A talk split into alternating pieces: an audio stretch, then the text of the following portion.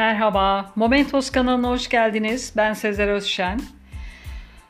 Sanıyorum bir iki gündür e, şiddetli rüzgarlar var. Bunun lodos olup olmadığına emin değilim. Hava tahmini raporlarına bakmadım ama aklıma bir şey geldi. E, çünkü dün kendi üzerimde e, bir ağırlık hissettim. E, lodos olduğu zaman ben böyle oluyorum. Gözlerimin hemen üstündeki bölgede bir ağırlık söz konusu oluyor ve uykuya çekilmek istiyorum. Ee, bir gözlerimde de bir sanki sulanma, böyle bir rahatsızlık, bir kıpır kıpırlık hissi söz konusu oluyor. Ee, lodos nedir? Öncelikle ona bakalım. Ee, Güneybatıdan esen rüzgarlara verilen addır diyor Wikipedia. Ee, Türkiye'de gezici bir takım fırtına vari rüzgarların içeriye daha çok sokulduğu kış mevsiminde çok görülür ve siklonların sıcak cephesinin geçişini izler. Sıcaklıkların yükselmesine neden olur. En sık Aralık ayında görülür. Lodos yoğun olarak Marmara, Ege, Doğu Akdeniz'de esmekle beraber zaman zaman Adriyatik denizini de etkiler. Lodos'un beraberinde taşıdığı mineraller ve toz sebebiyle insanlar üzerinde baş ağrısı, halsizlik, nefes darlığı, göz kanlanması gibi bir dizi etkiye yol açtığına inanılır. Soba zehirlenmelerine neden olan bir rüzgardır aynı zamanda diyor Wikipedia'da. Ee, evet bir zamanlar... E, çok sıklıkla yani doğalgaz olmadığı için e, tüplü termosifonlar kullanılırdı. Ve bu çok şiddetli olan rüzgarlarda geri tepme sonucu söndüğünü fark etmeden insanlar banyo yaparken e, zehirlenip maalesef öl- ölüyorlardı. E, bunu sıklıkla yaşadığımız bir zamanlar vardı. Belki hala tabii ki kullananlar vardır doğalgaz kullanmayıp.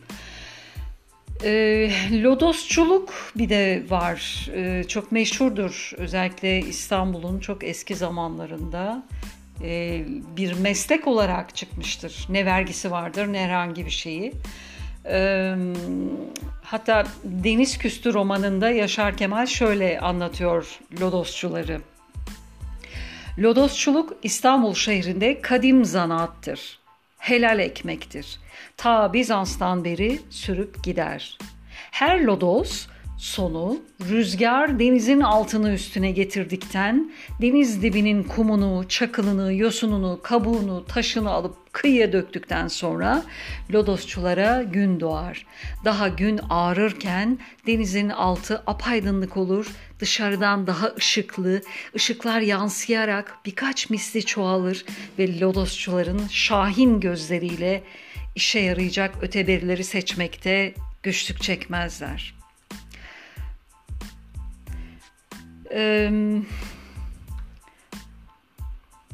Lodos e, böyle günlerde güneybatıdan esen rüzgar şehri alt üst ederken kimilerinin yüzü güler, ekmek teknesi harekete geçermiş. Eski İstanbul'da deniz kıyısında dolaşarak Lodos'la veya diğer fırtınalarla kıyıya vuran eşyaları toplayanlara, sığ yerdeki kumları eleyerek para edecek şeyler arayanlara Lodosçu denirmiş.''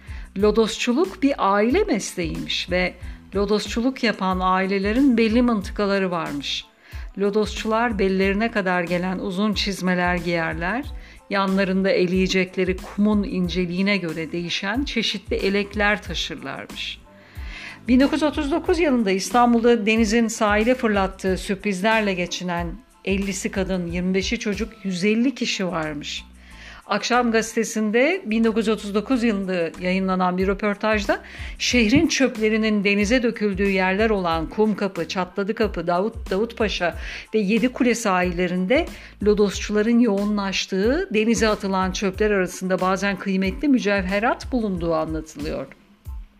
Tabi burası yani sur dipleri maalesef artık deniz doldurulduğu için sur dipleri karada Bizans'tan, Osmanlı'dan kalan altınlara da zaman zaman rastlanan yer, yerlermiş. Hatta kaşıkçı elmasının da bir lodosçu tarafından bulunup bir kaşıkçıyla üç kaşık karşılığında değiştirildiği rivayet ediliyor. Velhasıl insanların e, ekmek teknesi bir nevi. Ama bazen de hafif kirli bir pis bir baş ağrısı. Yine de lodosu seviyoruz. Hala birilerine ekmek getirdiğini varsayarak. Teşekkürler dinlediğiniz için. Hoşça kalın. Momentos'la kalın.